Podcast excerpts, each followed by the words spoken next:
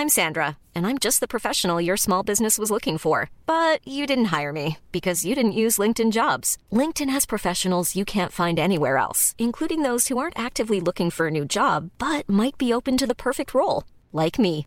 In a given month, over 70% of LinkedIn users don't visit other leading job sites. So if you're not looking on LinkedIn, you'll miss out on great candidates like Sandra. Start hiring professionals like a professional. Post your free job on linkedin.com/people today.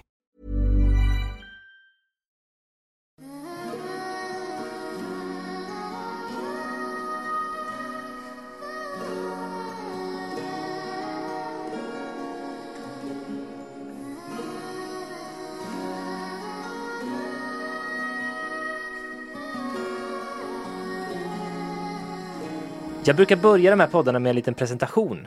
Så jag tänkte att jag ska läsa den för dig och så får du säga om jag har fått det rätt eller fel. Sofia, Sofia Karlsson, var en framträdande profil i det svenska musiklivet under mitten av 00-talet med sina emotionella raplåtar som hon släppte på nätet och som fick ett djupt gensvar hos lyssnarna. 2008 tog hon ett steg tillbaka från offentligheten, vilket lämnade många av hennes fans med frågor om vart hon tog vägen egentligen. Nu, cirka 15 år senare, är hon tillbaka med ny musik. Och precis just nu sitter hon här i ett videosamtal med mig, Sofia! Yay! Kände du igen dig i beskrivningen? Både ja och nej. Eh, eller liksom, det verkar ju vara så, så att säga. Men eh, det är kanske inget jag riktigt eh, har varit eh, 100% medveten om hela tiden. Vi, vi ska återvända dit, men jag tänker, ska vi backa bandet och ta det från början? För när du började släppa den här musiken, hur många, hur många låtar har du släppt egentligen? Högst oklart, men det är ju garanterat över 50 alltså. Men jag vet ju inte alls här vad de heter. Alltså några såklart, men jag kommer inte ihåg dem. Men hur gick det till när du började med det här musikskapandet? Ja, det gick väl till som så att jag inte mådde speciellt bra. Och jag har alltid skrivit liksom, eh, ja men sen jag lärde mig skriva, jag har skrivit böcker, noveller, eh, dikter och sådär. Och sen har jag också alltid tyckt om musik, så på något sätt vart det väl så här, ja, jag, jag hörde väl andra låtar som jag var så här, ja, men ju tänk att få ut vad man känner i musik. Gud vad coolt liksom det skulle vara. Så då testade jag bara lite. Eh, och skrev, jag tror det första jag liksom skrev till var oh, My Heart Will Go On instrumentalversion. Fast mina ord eller mina känslor då. Så det var kanske lite långt ifrån den musiken jag vill göra och gjorde sen. För det är ju liksom, det är inte helt lätt att spela in musik. Hur gjorde du det? Eh, jag hade något, vet jag, gratis musikprogram. Alltså som, eh, det känns som att jag var mer teknisk när jag var yngre. För att jag skulle liksom aldrig komma på den här idén riktigt nu. Och så bara använde jag micken till datorn liksom. Alltså som finns typ inbyggd, eller fanns inbyggd på vissa datorer. Och typ pappa har alltid haft lite så här high-tech prylar och då var det någon så här avlång, smal ni vet, mikrofon som jag vet inte vad man använde den till, alltså om jag ska vara ärlig egentligen. För det var, aldrig, det var inte som att pappa satt och spelade in musik. Men det var definitivt ingen musikmikrofon, utan riktigt raspig, dåligt ljud. Eh, och så bara spelade jag in hemma i rummet. Och musik, alltså instrumentalerna, hur fick du tag på dem? Eh, mesta är ju freebeats faktiskt, alltså som vem som helst får eh, lägga eh, liksom, text på. Mm. Eh, och sen senare när jag hade hållit på ett tag liksom då så eh, fick jag kontakt med eh, en kille, typ, han har bott i Luleå, Benjamin hette han. Så han har gjort några liksom beats till, till mig. Men okej, så du, eh, du lyssnade på, på annan svensk hiphop då eller? Ja, det gjorde man väl. Eller jag vet, alltså jag lyssnade ärligt talat mest på typ Good Charlotte och Simple Plan på den tiden.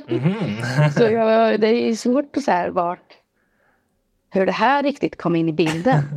Men det fanns ju, för jag, jag, jag har ju, eh, jag lyssnade också mycket på svensk hiphop och hängde på de här eh, nätforumen som fanns då och sådär. Och det fanns ju lite som en, en egen genre av hiphop på nätet nästan som, som som du väl var störst inom kanske. Men jag tänker på Funky Fresh och... Ja, de känner man ju verkligen till. Ja, vilka var det mer? Det var ju Funky Fresh, sen var det en tjej som hette Shorty, eller Shorty, jag vet inte. eh, henne tyckte, hon tyckte jag var ascool. RMK mm. gillade jag jättemycket. Även Appeja. Ja. ja, men det är väl typ de jag kan sätta namn på. Men var det eh, liksom inspirations... Eller jag vet inte vem som var först eller så, men det var liksom... Du var ändå i den... Eh... Jag tror de flesta av dem är ju lite äldre än mig. Ja. Så de var ju garanterat före, mm. eh, skulle jag säga. Eh, som jag väl på något sätt hittade också. Men jag lyssnade ju verkligen på allt möjligt. Eh, så att ja, det var nog inspiration från tusen olika håll. Liksom. Så ditt sound, liksom, det var mer att det var så du kände och det var så musiken blev då? Ja, det kan man väl säga. Okej, okay, men eh, vad hände sen då? Du började spela in låtar. Blev det liksom stort direkt eller hur, hur hittade lyssnare din musik? Nej, alltså jag la ju ut det på eh, stängda forum. Alltså typ frizon hette ju något. Eller det var typ där jag la ut det. Vad jag vet. Men på den tiden laddade man ju ner musik på ett annat sätt. Så, så hade man bara laddat ner det så hade ju varenda person som hade gjort det hade ju den på sin dator och kunde sprida den eh, vart den ville. Mm. Eh, och så funkar, visst det går ju länka och sånt nu, men liksom, det var på ett annat sätt då. Och Youtube var ju inte alls eh, så stort som det är idag. Mm. Eh, och där har inte jag lagt upp ett enda klipp själv, utan det är ju andra som har gjort det. Och det är ju typ när Youtube blev större som det verkligen blev stort, men då hade jag redan tagit avstånd, så jag uppfattade inte riktigt spridningen. Du, ja, men, så du blev liksom stor med att folk skickade filer eller laddade ner dem, men du fick inte liksom, du märkte inte att det var så stort då? Nej, jag märkte ju, alltså för kompisar så har jag varit så här, oj nu dök det upp här eller nu nämnde de någon dig i den här podden eller på den här Youtube-kanalen. Då är det så här, jaha, och sen vill jag inte prata om det bara. Alltså, jag verkligen, det har varit som så här, jag har levt i min bubbla och det där har inte varit en del av den bubblan. Det började ju bli stort liksom i Linköping när jag fortfarande höll på. Och det tyckte jag ju var lite jobbigt. Men sen hur det har spridits efter det, det hände ju mer när jag inte var aktiv liksom. Men de här Youtube-uppladdningarna som har så här miljontals visningar, de är ju ändå ganska gamla av dem. Har du, du har du liksom inte tittat eller har du, ja, du har missat även det under de åren som har varit efter du slutade liksom? Ja, alltså jag har ju sett att de finns. Mm. Men jag går inte in och lyssnar på det. Jag vet ju att de existerar nu, om man säger så. Och ja. det har jag väl vetat liksom till och från. På vilket sätt är det jobbigt att lyssna på dem? Ja, jag mådde inte så bra när jag skrev de där texterna. Så det mm. blir som att jag eh, slungas tillbaka till den känslan eller den tiden. Och det är inget jag gärna gör. Liksom. Men när man läser kommentarerna till de här klippen så är det ju väldigt många som har berörts väldigt mycket av musiken. Det är ju det. och det är ju jätte, jättefint ju. Men också jätte, jättesvårt att ta in. Liksom, att jag skulle kunna påverka hur någon annan tar sig igenom någonting eller sådär. Samtidigt vet jag ju att jag själv blir ju hjälpt av musik så jag kan ju förstå känslan liksom, som de berättar om. Men det är svårt för mig att förstå att det skulle vara jag. Kan inte tro på verkligheten, det får inte vara över. Du är den enda för mig. Och allt som jag behöver, inget kommer någonsin bli detsamma igen. Jag längtar efter dig och jag saknar dig igen. Du var allt för mig, Gud vad fan Det låter lite som att eh, du skapade musiken och laddade upp den och sen var du färdig med den på ett sätt. Och sen har den levt sitt eget liv. Ja, men verkligen bra beskrivet. Och är det det som gör att det blir svårt att förstå? Hur, alltså för om du hade liksom levt eh, som en artist på den tiden, då kanske man lättare hade förstått att man påverkade folk. Ja, precis. Lite så kanske det är. För det har ju bara varit så här, ja, nu skriver jag det här, så lägger jag ut det och sen eh, tackar jag för mig. Och sen just tror jag också att jag har verkligen inte kunnat ta i det. Alltså Nej. utan att det känns jobbigt på olika sätt. Eh, vilket har gjort att så här, jag har inte, jag har såklart läst ibland att någon har skickat något meddelande. Men då har jag bara så här, tryckt bort det typ. Alltså jag har inte ens velat ta emot bra grejer. Liksom. Då låter det på dig som att du hade liksom inte som mål att eh, bli känd så att säga på musiken. Nej, det var det ju inte vad jag vet. Alltså, jag minns liksom inte jättemycket från de här åren. Men som jag minns det så är det ju liksom ett sätt att skapa saker. Alltså att få vara kreativ och gå ut där man känner. Och det var ju det jag gjorde. Sen är det så här jättekul om folk lyssnar på det. Men det är svårt typ att tänka sig. Eh, jag har aldrig liksom tänkt att någon skulle vilja lyssna på mig. Alltså aldrig, därför har det aldrig blivit ett mål heller. Att jag, ja, nu hoppas jag att det här går bra. Typ. Alltså det, jag tror aldrig jag ens tänkte det. Det var så här, mycket handlar ju, många låtar handlar om personer. Och då var ju målet bara så här, hoppas den här personen hör den här. det var liksom motivationen mer än att hoppas hela Sverige hör den. Men för jag tänker, ehm, blev du liksom uppvaktad av skivbolag och sånt där? Aldrig då. Och eh, det var ju någon så här manageraktig person som jag och mamma åkte upp till Stockholm för att träffa. Men det var liksom i slutet av när jag hade börjat känna så nej, nej, vi, vi tog, tog inte tag i det, om man säger så. Det blev inget samarbete där. Men annars var det ju väldigt tyst. Men jag tror också mycket var ju att det blev ju större när jag hade lagt av. För sen slutade du ju. Hur gick det till? Det var nog mest bara så här lite utsmygandes ur livet. Att så här, eh, det hände massa grejer och jag kände inte samma behov av att eh, skriva musik längre. Och heller inte... Alltså det var mer så här, det blev läskigt att folk började känna igen en och jag mådde ju inte helt bra liksom då heller. Så då var inte det något jag orkade med liksom. Jag var ändå ung också. Alltså här, det var inte riktigt, det blev inte riktigt vad jag ville. Och då runt 2008, då börjar ju liksom sociala medier eh, finnas på ett annat sätt också kanske? Alltså det är lättare att bli igenkänd och kommenterad på på nätet och sådär. Nu, tack gode, liksom så är allt jag läser jättefint. Men så var det ju inte då. Och då var ju näthat inte så här supervälkänt. Så allt tog ju verkligen så här personligen på mig. Eh, vilket ju inte var svinkul när man redan mår skit och verkligen har skrivit ut sitt hjärta typ. Och så får man, jag vet att några var så, ah, men varför tar du inte bara livet av det då? Liksom, att man kunde få så, sådana kommentarer. Men jag bara säga, jag orkade inte med det där. Och det tycker jag väl ingen ska riktigt behöva uppleva såklart. Och hur gammal var du här när du eh, slutade? När jag slutade var jag väl eh, ja, 16, 17 kanske. Ja. 16 någonting. Och hade jag hållit på så jag kanske var 14. Så det var inte en lång karriär. Två år ungefär. Det gjorde ett stort avtryck. Ja, tydligen. Men okej, okay, då valde du att, eh, att inte fortsätta göra musik. Men du är ju uppenbarligen en kreativ person. Hur fick du utlopp för det när du inte hade musiken? En riktigt bra fråga faktiskt. Jag har hela tiden fortsatt skriva, men mer typ eh, poesi liknande, liksom dikter eller bara texter.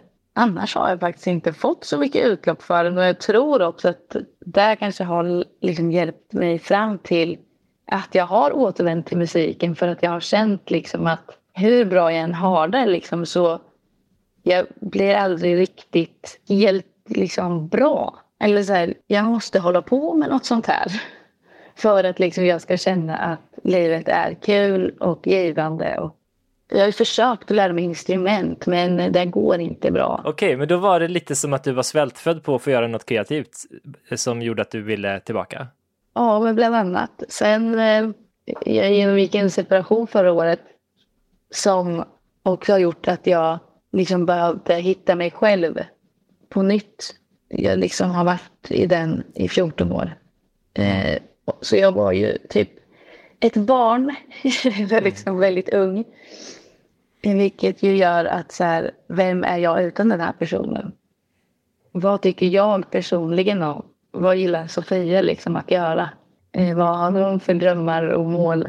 Så jag har fått återupptäcka det under ett och ett halvt år nu, vilket är jävligt jobbigt men också jätteintressant. Och då tänkte jag så här, ja, eller det var ju när jag fick kontakt med Elias då, då tänkte jag, ja, jag får prova det här nu, får jag testa. Det kanske är jag nu. Och den här Elias är alltså rapartisten Elias Hurtig som Sofia har släppt musik med. Var det, det sammanföll liksom med eh, det här sökandet? Ja, allt bara mm. hände i rätt tid typ på något sätt. Kan du berätta om, om den händelsen med Elias? Ja, eh, jag satt hemma, skulle gå till jobbet, lyssnade på musik, hittade en låt som hette Lila hjärtan. Jag brukar vara inne och leta ny musik för jag tycker ju så mycket om musik. Så hittade jag den och så bara, gud vilken härlig röst den här killen har. Eh, vilken bra låt. Och så gick jag in på hans profil och såg att eh, han hade en låt som hette Sofia. Tänkte jag, det är inte jättevanligt eh, att man har en låt som heter det. Så då tryckte jag på den och hörde mitt gamla intro och höll på att smälla av. Vad fan är det här nu? eh, och bara började googla sönder och bara vet han ens om liksom. Det, var, det är för stort liksom, sammanträffande att den heter Sofia och att den liksom bitet förknippas med min låt. Och när jag satt där och googlade så kom det fram liksom, han är högst medveten om det här. Och just eftersom det var i den här tiden jag hittade det här så kände jag men jag skriver till honom och bara tackar för att jag hittade den för det gjorde mig väldigt glad. Och han svarade och var så här, vad kul att få din blessing på, på låten. Och sen så skrev vi väl lite grann och så här, oh, blir det comeback? Jag bara, nej, nej, nej, nej, det blir inget med det. Eh, men sen skickade han, vi fortsatte hålla lite kontakt. Så skickade han någon singel han släppte hem i brevlådan till mig. Och då tackade jag för den. Och då hade det gått ett tag så då var jag lite på ytterligare en annan plats i min lilla resa. Och då eh, frågade han igen. Och då skrev jag, jo fan varför inte? Alltså, vi kan ses i studion bara helt förutsättningslöst och se vad som händer. Eh, och så åkte jag upp dit och då blev den dagen så blev Tiden bra-låten till. Liksom. Mm. Det var verkligen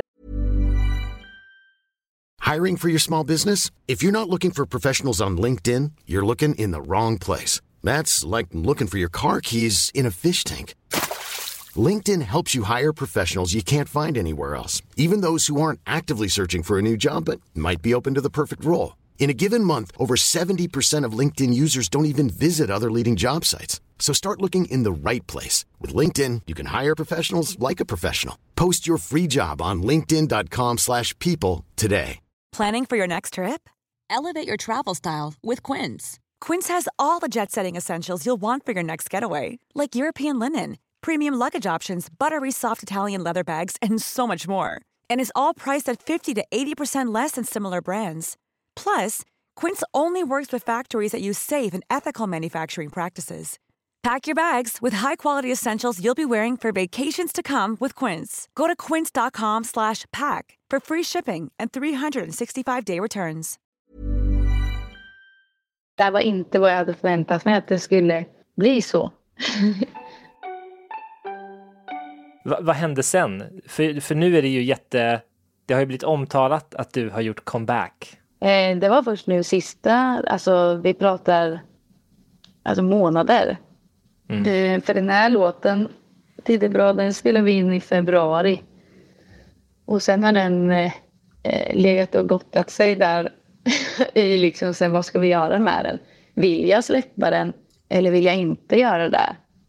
Eh, och sen har vi, ja men jag gästade ju Elias låt också.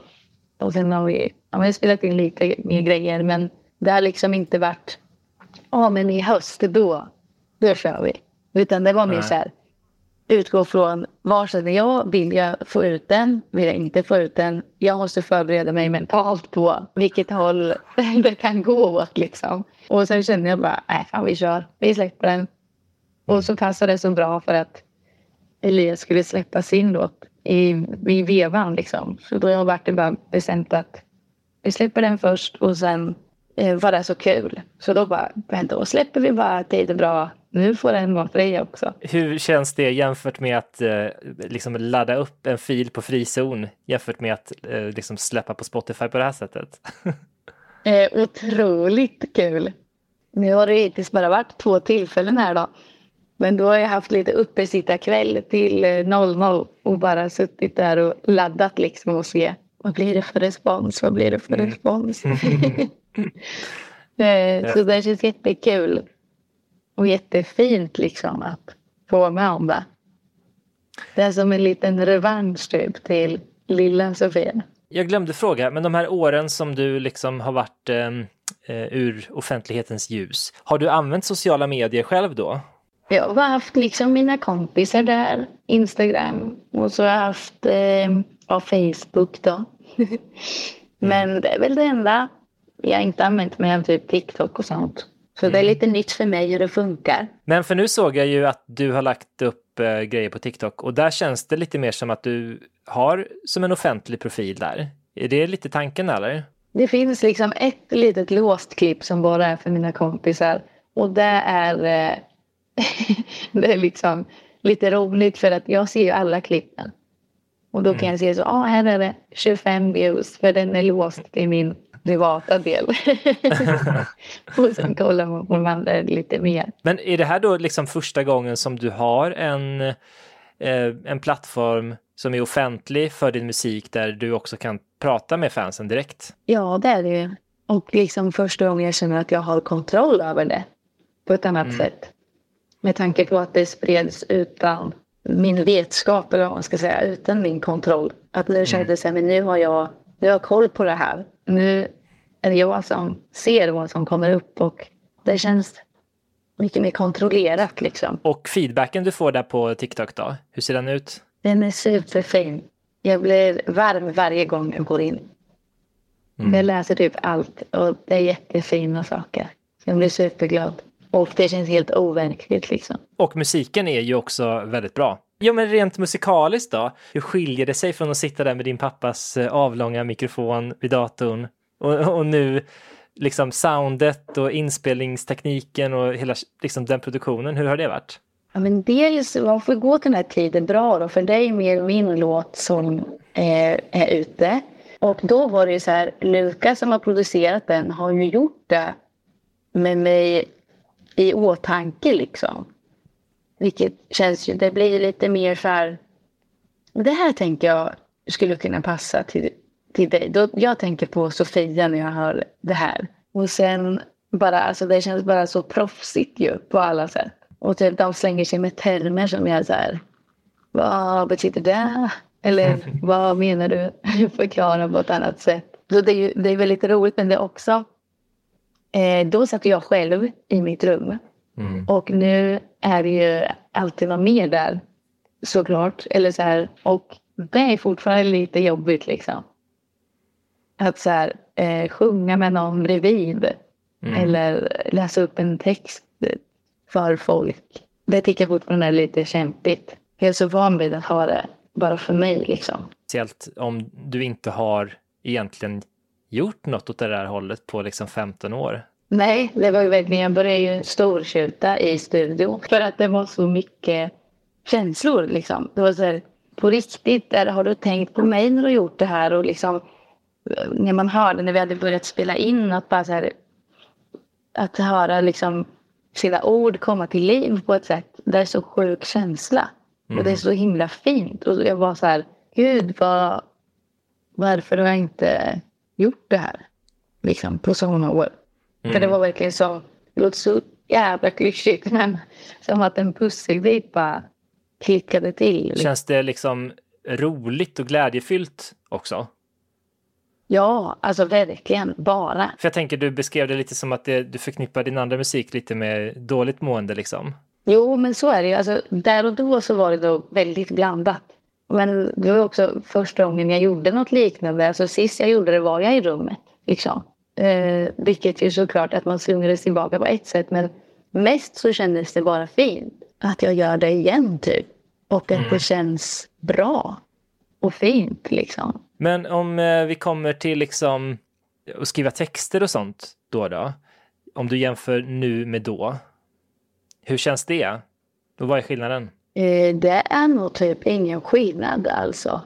Om jag ska vara ärlig. För jag skriver nog på samma sätt som jag har gjort innan. Och liksom, jag vet att Elias sa, han bara, det är så roligt eh, med dig för du skriver verkligen som en, som en rappare. Att jag skriver ju texterna så. För det är så jag tänker dem i mitt huvud. Och det är så jag får upp dem. Eh, men sen är det inte alltid det blir rap av det kanske. Alltså så, nu har det blivit mycket sång istället typ. Men jag skri- det, det är ju en raptext i originalet och eh, det ska nog eh, komma ut på det viset också så småningom. Spännande. Inspirationsmässigt nu då, musikaliskt. Lyssnar du mycket på liksom ny musik och ny svensk musik eh, eller så? Eller vad är det som är inspirationerna? Ja, jag lyssnar nästan bara på svensk eh, hiphop typ. Sen ibland kan jag sticka in en bubblare från andra genrer. Men lite pop och så. Men eh, mest hiphop. Och det, det dras ju mycket till texter. Det där jag lyssnar på.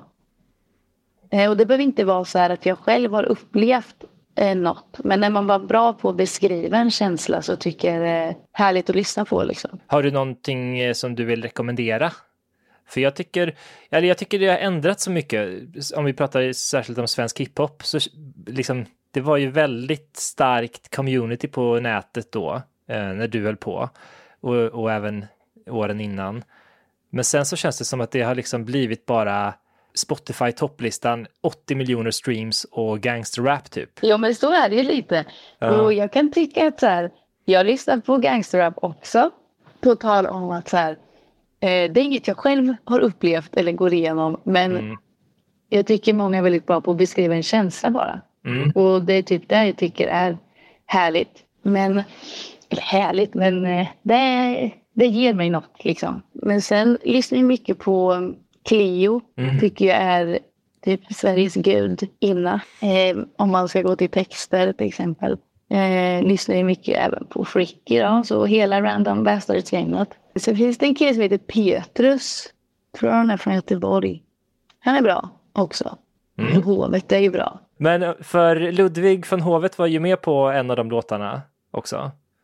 Och Elias, jag tänker, ehm, det är en sak att det är svårt att förstå hur liksom miljontals ehm, eh, olika ungdomar i landet har lyssnat på det. Men när du träffar de här personerna, har de också lyssnat på dig? Ja, det har de ju. Vilket är ju helt sjukt. Alltså det kan man inte greppa. Och det var ju där liksom mycket just när Elias hade släppt Sofia-låten att så här, varför vet han vem jag är? Att det blir så himla typ stort för mig. Att så här, folk jag lyssnar på, typ Victor Lexell, vet vem jag är. Det är jättekonstigt. Kan du bli lite irriterad att du slog igenom i den tiden du gjorde? Liksom? För hade du haft miljontals visningar och spelningar på din musik idag så kanske man hade blivit väldigt rik eller om man ville det väldigt känd eller så. Hur, hur förhåller du dig till det? Jag har tänkt ibland så här under åren så här. Undrar vad som hade hänt om jag hade satsat liksom. Eh, men sen har jag släppt det, för det ska jag inte göra. Eller det gjorde jag inte. Men också så här, jag ville inte det då. Så då, jag hade aldrig kunnat göra på något annat sätt än det jag gjorde. Så det är inget jag går och grämer mig över direkt. För också, jag har en ny chans nu. Om jag vill göra något av det så kan jag det nu. Så det känns, det är inget jag går och tänker på på det här sättet. Sen är det ju klart, det är ju svintråkigt att man typ inte har fått eh, eh, några ören så att säga. Eller några ören har man fått. Men det är ju liksom, ja, det är klart det är skillnad på att släppa nu för tiden än vad det var då på det sättet. Det är så fruktansvärt många uppspelningar och det är ju klipp som, som jag förstår det som du inte ens laddat upp själv, som kommit några år senare och för det är ju lite svårt även idag att leva på liksom sina, sin musik bara av att den spelas liksom. Är du sugen på att liksom framträda live och sånt där som också är ju en del av artisteriet? Ja, alltså sugen skulle jag absolut inte säga att jag är. Eh, jag är inte helt stängd liksom. det beror lite på här nu vad framtiden säger åt mig att göra. det vill jag säga. Men, eh, ja, men det är liksom lite grejer på gång som jag inte vill prata så mycket om. Men det finns liksom lite olika planer här. Så, men just live, alltså det känns otroligt skrämmande. Om jag ska vara helt ärlig. Det känns liksom... Jag vet, jag uppträdde ju på lite så här fritidsgårdar förr i tiden. Och du vet, jag tappade ju text och fick gå av scen. Och det var inget jag kunde hantera speciellt bra. Och eh, jag, ja, det är klart man kanske är lite mer liksom säker i sig själv nu för tiden. Så det kanske skulle gå bättre. Men det är så här, jag har ingen målbild av så här, jag står i Globen och folk står där. Det känns väldigt långt bort från mig överhuvudtaget. Målbilden är nog mer bara att få hålla på med musiken och hoppas att folk tycker den är bra. Vad skulle du vilja ge för råd till någon ung person som vill nå ut med sin musik idag? Jag vet ju att din resa är ju lite speciell liksom, men du har ju ändå gjort den eh, nästan två gånger. Va, vad har du för, liksom, för tips? ja, vilka tips har jag? Alltså, jag kör ju mycket bara på att vara mig själv. Va? Alltså, jag tänker så länge det kommer inifrån och verkligen är så här, ja, det här är mitt och det här är jag. Nu kör vi. Då tänker jag att man har eh, bäst chans. Sen finns det säkert de som tycker att man hellre ska vara en superstar roll liksom och liksom det kanske också väcker uppmärksamhet. Nej, jag vet faktiskt inte. Eh, mm. För jag har ju liksom inte riktigt gjort, gjort det aktivt. Då är väl tipset då, förvänta dig inte något så händer det. Med facit i hand, få analysera. Vad tror du det var som gjorde att du blev så stor då? Jag tror... Alltså jag har försökt att tänka mycket på det, men alltså jag var ju extremt transparent i eh, sättet jag skrev på och beskrev känslor eller situationer. Och jag menar, jag är ju inte den enda i Sverige som har lidit eller lider av psykisk ohälsa precis. Det är ju ganska välkänt idag att eh, ja, väldigt många eh, gör det. Vilket ju också såklart då leder till att det är väldigt många som känner igen sig i de här beskrivningarna som jag skrev. Liksom.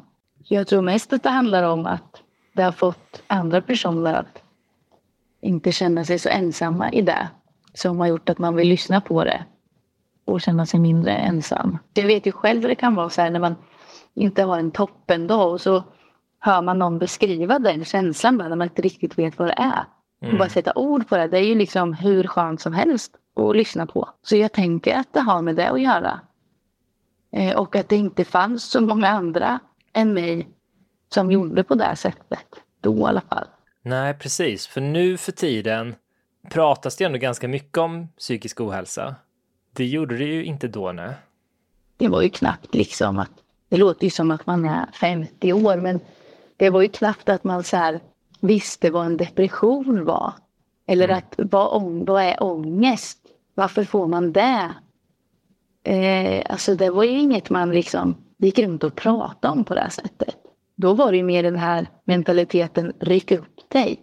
Man bara, men det har väl aldrig hjälpt någon. Ja, men vad, det är väldigt roligt i alla fall att se att du är tillbaka och släpper ny musik och musiken är bra och det ska bli väldigt spännande med alla dessa projekt som du hyschar om. Jag är taggad. Fanns det någonting som du trodde vi skulle prata om som vi inte kommit in på? Mm, nej, det tror jag inte.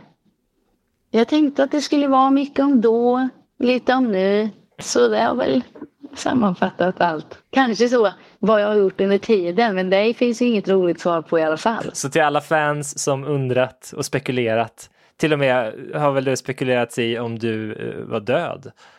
Det stämmer. Vilket jag på ett sätt tänkte så här, ja fast själva Sofia är ju död, men inte jag som person. Och därför känns det som att hon har här nu återupplivats på något sätt.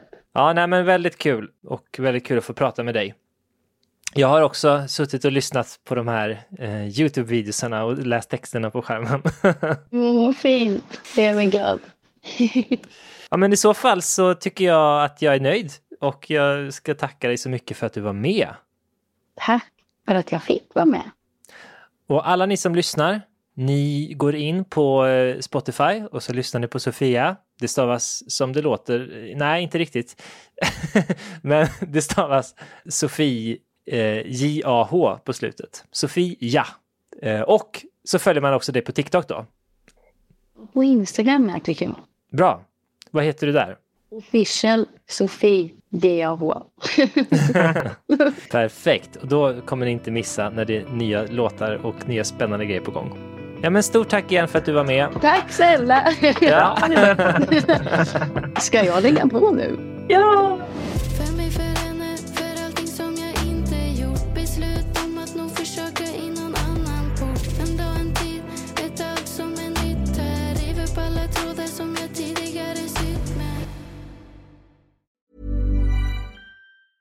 Planning for your next trip? Elevate your travel style with Quince. Quince has all the jet setting essentials you'll want for your next getaway, like European linen, premium luggage options, buttery soft Italian leather bags, and so much more. And is all priced at 50 to 80% less than similar brands. Plus, Quince only works with factories that use safe and ethical manufacturing practices. Pack your bags with high-quality essentials you'll be wearing for vacations to come with Quince. Go to quince.com slash pack for free shipping and 365-day returns.